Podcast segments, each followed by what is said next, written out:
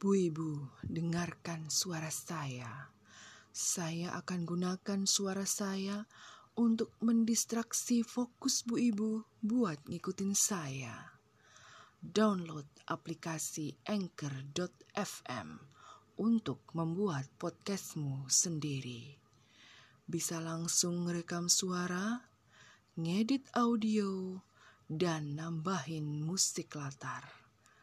Lalu bisa langsung dipublish. Tenang aja, langsung terkoneksi dengan Spotify dan platform podcast lainnya.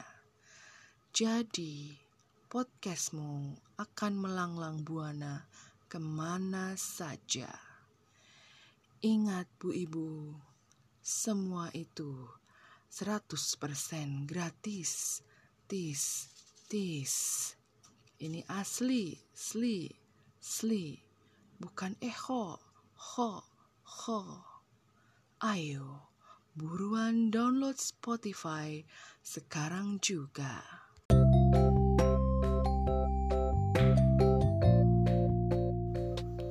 Hey, hai ibu-ibu, assalamualaikum, apa kabar? Mudah-mudahan sehat selalu ya. Ingat tiga minggu lagi akhir tahun loh bu. Ingat planning-planning yang udah dibikin. Mungkin juga ingat tiket-tiket yang udah di booking dan dibayar lunas semuanya. Intinya, usahakan badan itu sehat terus ya Bu ya, supaya semua rencana bisa berjalan lancar, aman, terkendali. Tapi ya Bu ya, yang namanya distraksi, distraction itu tuh pasti ada. Distraksi terhadap rencana apa-apa yang udah dalam agenda atau to-do list kita, kadang-kadang tiba-tiba muncul pop up dengan sendirinya. Kenapa sih? Siapa yang menciptakan distraksi ini? Hah? Hah? Hah? Berani-beraninya muncul apa akibatnya juga kalau kita gampang ke distract ke hal yang lain. Aduh, mudah-mudahan kehadiranku ini nggak bikin Bu Ibu ke distract juga ya dari rutinitas Bu Ibu. Karena aku, Ibu Inung, justru akan menemani hari-harimu dalam podcast Bu Ibu.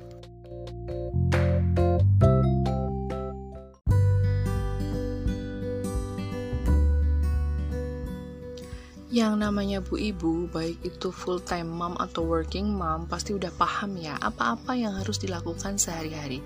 Udah ngerti alias fully understand rutinitas setiap hari itu apa aja.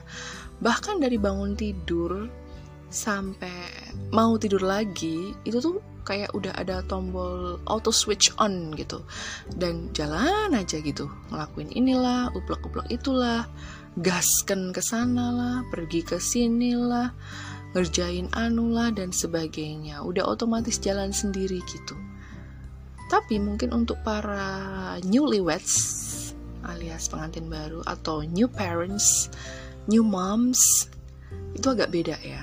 Karena memang semuanya serba baru, jadi memang harus ada penyesuaian, ada adaptasi, ada adjustment atas apa-apa saja yang harus dilakukan saben harinya gitu.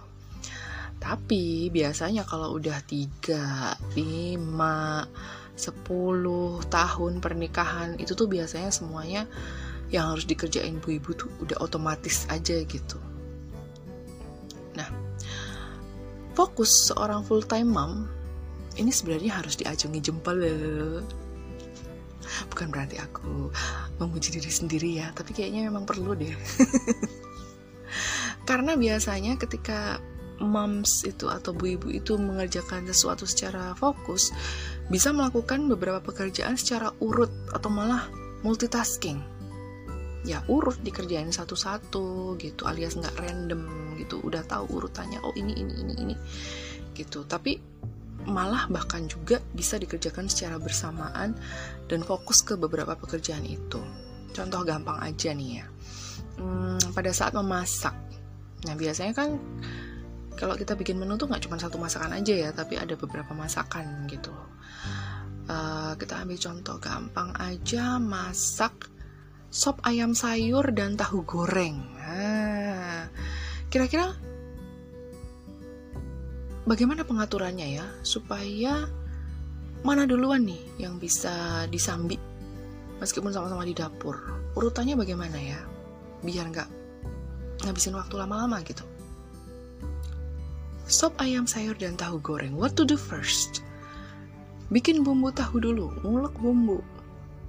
Habis diulek tahunya dipotong-potong marinate tahu dalam bumbu tadi diemin diemin tiga hari tiga malam. Jangan diajak ngomong. Nanti dia bete sendiri tahunya. Ya nggak gitu kali ya. Pokoknya dimarinate aja. Sementara kita marinate tahu kita cuci ayamnya ya. Pakai sabun mandi digosok di scrub ya. Wangi. Nggak juga kali ya. Cukup dicuci aja pakai air bersih. Terus habis itu kita masukin ke panci kasih air rebus ayamnya di atas kompor gitu untuk diambil kaldunya. Oke kalau sudah kita ngulek ke bumbu sopnya. Terus motong-motong sayurnya. Sambil motongin sayur tahu yang dimarinate mulai digoreng. Nah jalan deh tuh dua-duanya. Kira-kira ayam udah mateng angkat potong-potong daging ayamnya. Lanjut ngolah sopnya. Masukin bumbunya masukin air kaldunya cemplung-cemplung sayurnya ayamnya juga. Sambil tetap goreng tahu. Goreng tahu itu kan sebenarnya nggak bisa cepet juga ya gitu. Kan ada prosesnya. Sampai berubah warna jadi ya kecoklatan gitu kan. Itu pun masih bisa disambi dengan nyicil nyuci alat-alat masak yang tadi dipakai gitu. Nah, ketika sop mateng, tahu mateng, sisa alat masaknya dicuci bersih, kelar deh masalah dapur. Ibu fokus, efektif dan efisien waktunya, ya nggak? Tapi memang kadang-kadang ada tuh ya tiba-tiba distraction muncul jeng-jeng tiba-tiba muncul aja gitu distraksi ketika masak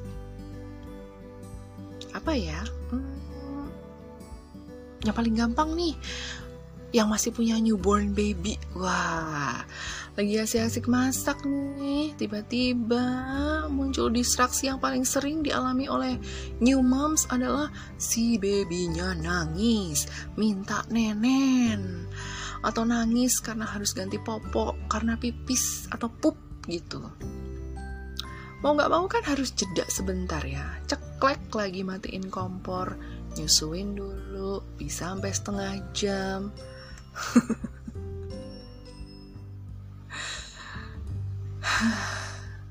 Aku bisa cerita gini karena aku mengalaminya bu ibu. Ya kan? Untuk bu ibu yang mungkin anak yang udah gedean dikit balita balita gitu. Bentuk distraksinya pasti akan beda lagi pas masak kan?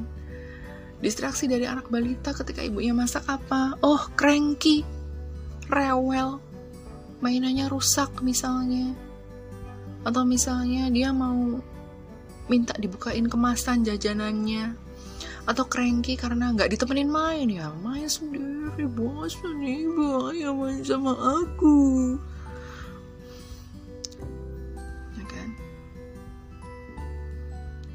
anak-anaknya udah gede-gede udah beranjak remaja udah beranjak dewasa distraksinya mungkin udah nggak denger-denger anak-anak cranky gitu ya bu ya tapi justru biasanya dari ibu-ibu itu sendiri. Apa? Hmm, ada notif WA masuk ke HP ibu-ibu. Eh, tiba-tiba langsung berhenti masaknya. Baca dulu chatnya, terus buru-buru bales Padahal mungkin sebenarnya chatnya itu nggak penting-penting banget, nggak penting-penting amat. Dan Bu Ibu tuh bukan uh, sedang menjadi admin uh, chat WA bisnis gitu, karena nggak berbisnis online. Ngapain sih harus segera dibales sih?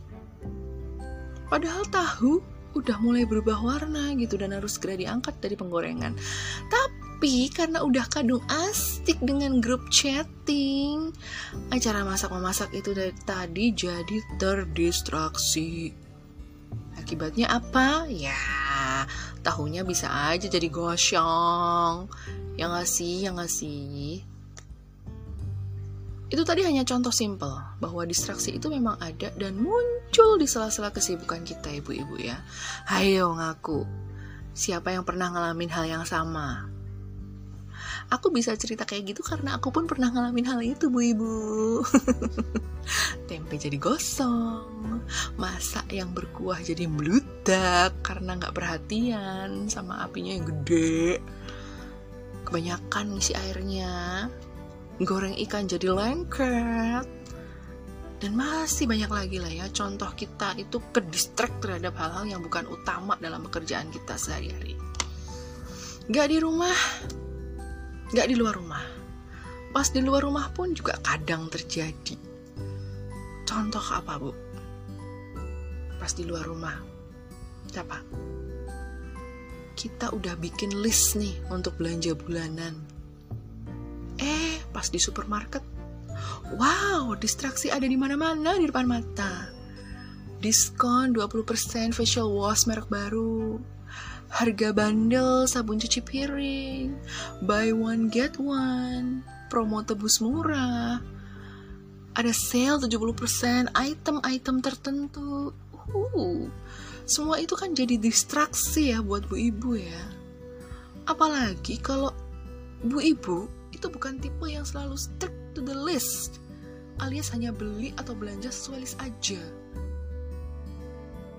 Tapi ibu-ibu masih bisa nggak apa-apa lah longgar-longgar dikit listnya berubah gitu. Aku pribadi sebenarnya cukup strict ya bu ya. Cukup. Aku pakai kata cukup karena memang berarti nggak strict-strict amat sih gitu ya agak longgar sih nggak apa-apa. Agak longgar untuk keinginan anak-anak. Tapi aku juga kasih batasan ke mereka saat mereka ikut belanja bulanan. Biasanya aku strict untuk keperluan dapur dan rumah tangga kayak cleaning stuff gitu. Tapi longgar untuk Pak Bojo yang tiba-tiba lihat barang apa gitu. Dan menurutnya dia butuh lagi memang nyari dan bermanfaat untuk keluarga kami. Itu biasanya langsung beli Aku longgar juga untuk sembilan anak-anak. Terus untuk kebutuhan hobi mereka kayak pensil warna, cat akrilik, kanvas gitu-gitu. Kan mereka hobi gambar dan lukis ya. Jadi harus difasilitasi. Tapi aku strict untuk urusan beli-beli mainan. Nah, ngapain sih beli-beli mainan udah pada gede-gede gitu kan. Jadi distraksi itu tetap ada batasannya bukan yang kemudian ngikutin flow-nya distraksi itu sampai mengalahkan hal-hal utamanya. Karena kalau kita ngikutin flow-nya distraksi itu sendiri, bukan fokus ke hal utama, akibatnya ya tujuan kita bisa gagal tercapai. Dan akhirnya akan memunculkan efek lainnya, misalnya apa? Kita jadi bertambah pengeluarannya pas belanja. Karena budgetnya over, ya kan? Kan ini kalau diterus-terusin juga nggak baik ya bu ibu ya. Selain nggak sehat buat keuangan keluarga ya kita nggak bisa belajar untuk straight to the plan gitu. Kita akan jadi orang yang gampang mundur gitu loh dengan rencana-rencana yang udah kita buat sendiri. Tapi emang ya bu ya namanya distraksi ini susah dihindari ya Wong di TV aja ada iklan kan pas kita nonton TV. Dan fokus kita dengan berita misalnya, itu tuh bisa ke distract dengan munculnya iklan itu gitu loh. Kita malah jadi ngeh, eh itu tadi produk tehnya kayaknya enak ya, besok kita beli ah gitu. Meanwhile, kita udah nggak inget tadi itu berita apa ya. Masalah fokus dan distraction pada bu ibu ini kadang bisa parah. Bisa juga enggak sih tergantung dari personality masing-masing bu ibu. Dan tentunya uh, level besar kecilnya distraksi yang muncul itu tadi.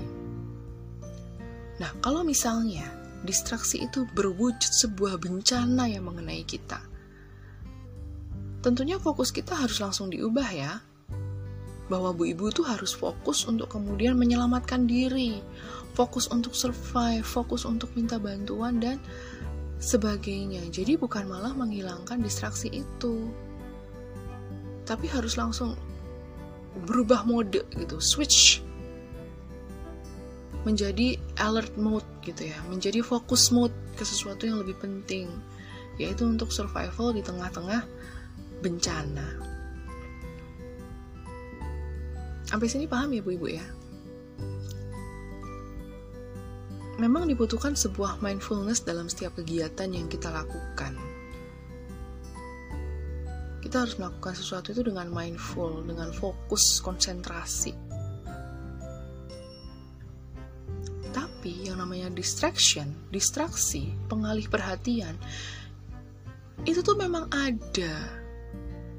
Dan bisa muncul kapan saja, tidak bisa kita prediksi. Bahkan kita sendiri pun bisa menciptakan distraksi itu.